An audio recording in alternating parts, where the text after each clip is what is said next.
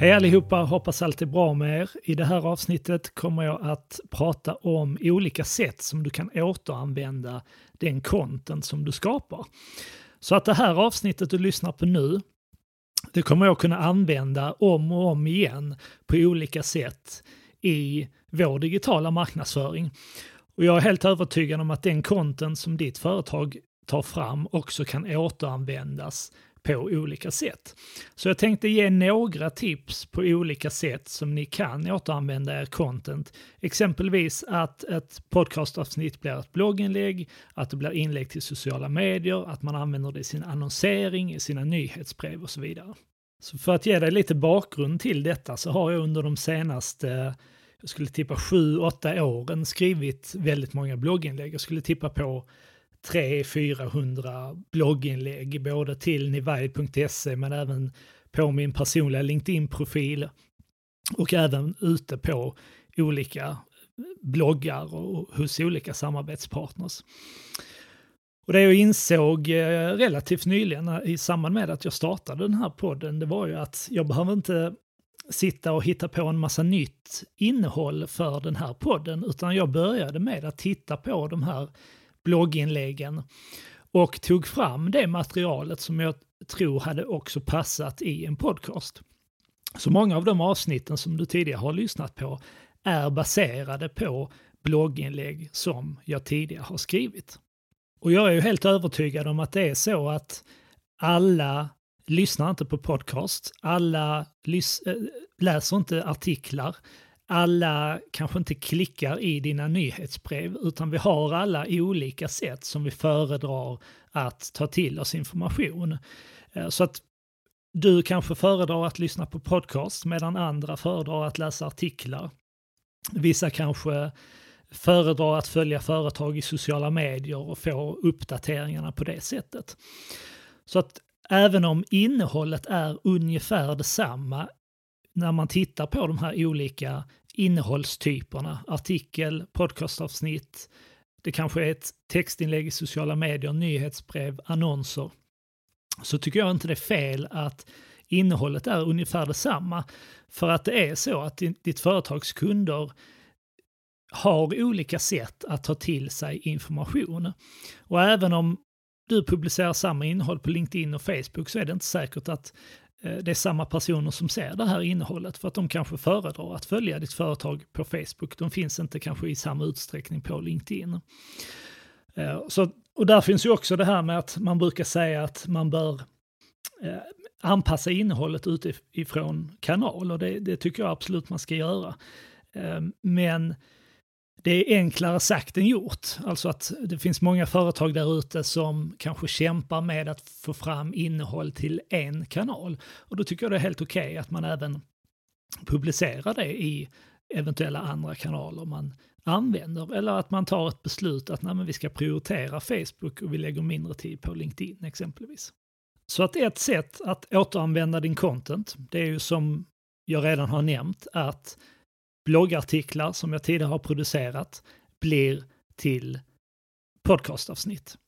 Det här avsnittet jag spelar in just nu som du lyssnar på, det har jag tidigare inte skrivit ett, ett blogginlägg om. Så det är mycket väl att jag beslutar för att okej, okay, det här avsnittet, det ska också skrivas som en artikel och publiceras på nivide.se. Eller att jag kommer använda den här content i nyhetsbrevet. Så att istället för att skicka ut ett mail till vår e-postlista där jag säger att nu har vi publicerat ett nytt podcastavsnitt, då kanske jag istället använder det här materialet som jag spelar in just nu och gör det till en artikel som jag skriver ut direkt i själva nyhetsbrevet. Och fördelen med det är ju att om du tittar på de e-postutskick som ditt företag gör så kanske ni har en öppningsfrekvens som ligger allt mellan 20 och 50 procent. Det, det, är väl där man, man brukar ligga. Eh, men tittar du sedan på din klickfrekvens så är den betydligt lägre.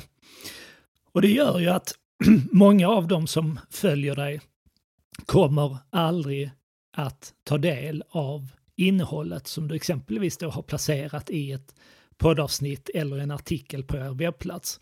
Utan testa att även skriva ut innehållet direkt i nyhetsbrevet. Så att du kan fånga dem som öppnar nyhetsbrevet, fånga in dem i texten, få dem att läsa hela texten. Och det du kan göra där istället då, det är att lägga till relaterat innehåll eller att länka i den här brödtexten direkt i nyhetsbrevet. Det kan ju vara så att du har någon relaterad, att det finns relaterade white papers eller e-böcker eller eh, andra avsnitt eller artiklar som är relevanta utifrån det som dina prenumeranter läser om. Så det har jag börjat göra nyligen, skriva artiklar eh, direkt i mitt nyhetsbrev och sedan väljer jag istället att länka till relaterat innehåll på Nivides webbplats så att vi fortfarande driver trafik till webbplatsen. Så låt säga att du utgår ifrån en artikel eller du utgår ifrån ett podcastavsnitt.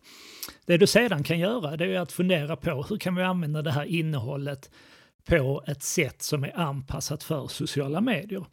Så likadant här, istället för att bara länka till det här avsnittet eller för att länka till en artikel på er blogg.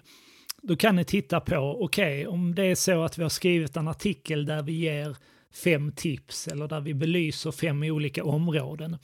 Då kan vi göra om detta till en karusell på Instagram, en karusell på Facebook. Ni kan skapa eh, presentationsmaterial, spara ner som en pdf eller en powerpoint och använda på LinkedIn för att även där skapa en karusell eller en presentation som följarna kan scrolla sig igenom direkt i sitt flöde. Och detta gör då att ni inte är beroende av att personer klickar sig vidare till ert innehåll oavsett om det handlar om sociala medier eller ett nyhetsbrev. Utan ni skapar det här innehållet även i de kanalerna så att de som inte väljer att klicka sig vidare utan bara håller på att scrolla igenom sitt flöde stannar upp vid den här karusellen eller stannar upp på den här pdfen som du har laddat upp på LinkedIn, de kan fortfarande ta del av det här innehållet. Och sedan kan man såklart även hänvisa vidare till avsnittet eller artikeln om, om det är så att någon vill fördjupa sig i det här innehållet. Ett annat sätt att återanvända content kan det vara om ni har olika sorters av presentationsmaterial för de produkter och tjänster som ni erbjuder och använda det här direkt i er annonsering i sociala medier. Så istället för att exempelvis använda en retargeting-annons för de som har visat intresse för en produkt eller tjänst med bara ett kort meddelande för att förs försöka få dem tillbaka till webbplatsen, det är att se sociala medier och retargeting-annonseringen som en möjlighet att utbilda de här personerna kring produkten och genom det hela tiden öka intresset och förtroendet för er som leverantör. Så att här kan ni alltså i er annonsering välja ut olika delar och områden som ni hade velat belysa för den här produkten eller tjänsten och sedan då köra retargeting-annonsering, låt säga en vecka för att inte trötta ut retargeting-publiken. Köra en annons en vecka med ett ganska mastigt innehåll som belyser ett visst område för den här produkten eller tjänsten som ni erbjuder. En vecka senare byter ni ut den här annonsen återigen en annons med väldigt mycket innehåll som utbildar kunden kring den här produkten. Så är ni inte beroende av att de de hela tiden ska klicka sig tillbaka till er webbplats. Och det ni vill göra då kanske också är att sätta upp målgrupper för er retargeting-annonsering där ni samlar de som har besökt den här produkten eller tjänsten två eller fler gånger. Och i det läget eh, exponera en annons som går lite mer rakt på sak, gör en förfrågan, gör ett köp eller vad det nu kan vara. Medan tidigare i det här skedet så vill ni utbilda kunden med de här olika så kallade artiklarna som ni då kan placera i form av en annons som visas för personer som har visat intresse för de här produkterna och tjänsterna. Andra sätt att återanvända din content kan ju vara att samla artiklar till en e-bok. Det här gjorde jag bland annat för vår e-bok kring eh, sökmarknadsföring som går att hämta på nivide.se. Jag kommer att lägga med länken i anslutning till det här avsnittet också för dig som vill verkligen fördjupa dig hur du kan förbättra företagets synlighet i Google. Men den e-boken är egentligen eh, våra mest populära artiklar kring sökmarknadsföring och Google Ads som vi har publicerat under åren. Och som sedan då är anpassade och redigerade för att passa in i form av en e-bok. Så det innebär för dig som funderar på att att skapa någon form av lead magnet på er hemsida för att exempelvis samla e-postadresser eller kunduppgifter. Att det behöver nödvändigtvis inte vara nytt innehåll utan titta på det ni har och se om det går att arbeta om på ett sätt för att skapa exempelvis en e-bok eller white paper av något slag. kan även handla om e-postkurser eller något liknande där ni redan har material i form av artiklar och som ni sedan då bygger ett antal e-postmeddelanden kring där ni egentligen använder den text som redan finns.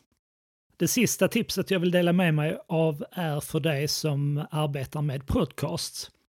Och det är att helt enkelt klippa ihop från gamla avsnitt och därigenom kunna skapa helt nya avsnitt.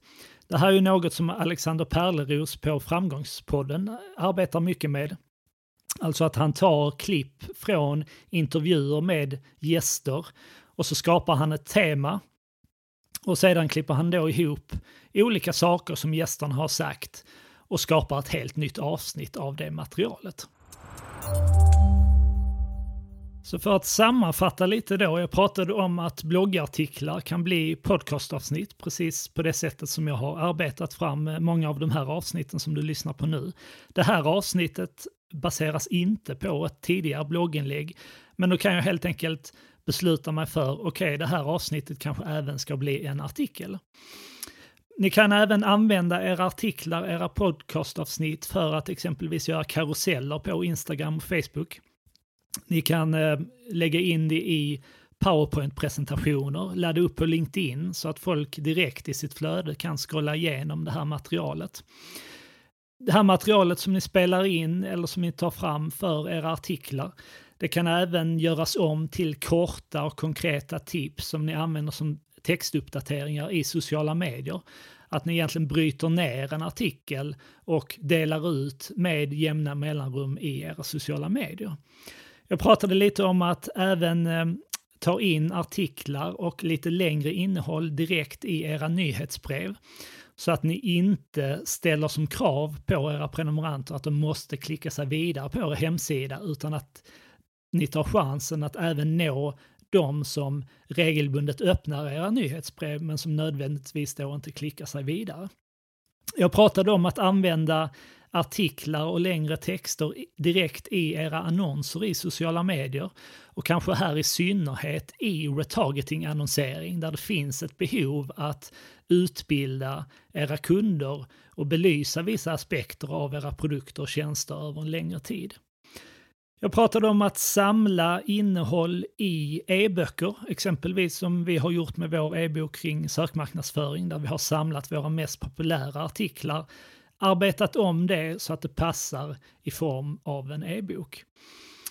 Ett annat tips är att klippa ihop era olika podcastavsnitt, samla olika tips eller tips från personer ni intervjuar för att på det sättet göra helt nya avsnitt. Så det var allt för det här avsnittet. Tack för att du har lyssnat. Om du uppskattade det här avsnittet får du väldigt gärna dela det i dina sociala medier om du tror att det finns någon i exempelvis ditt LinkedIn-nätverk som kan ha användning för det här innehållet. Så med det sagt så vill jag önska dig lycka till och så ses vi igen om ungefär en vecka. Ha det bra!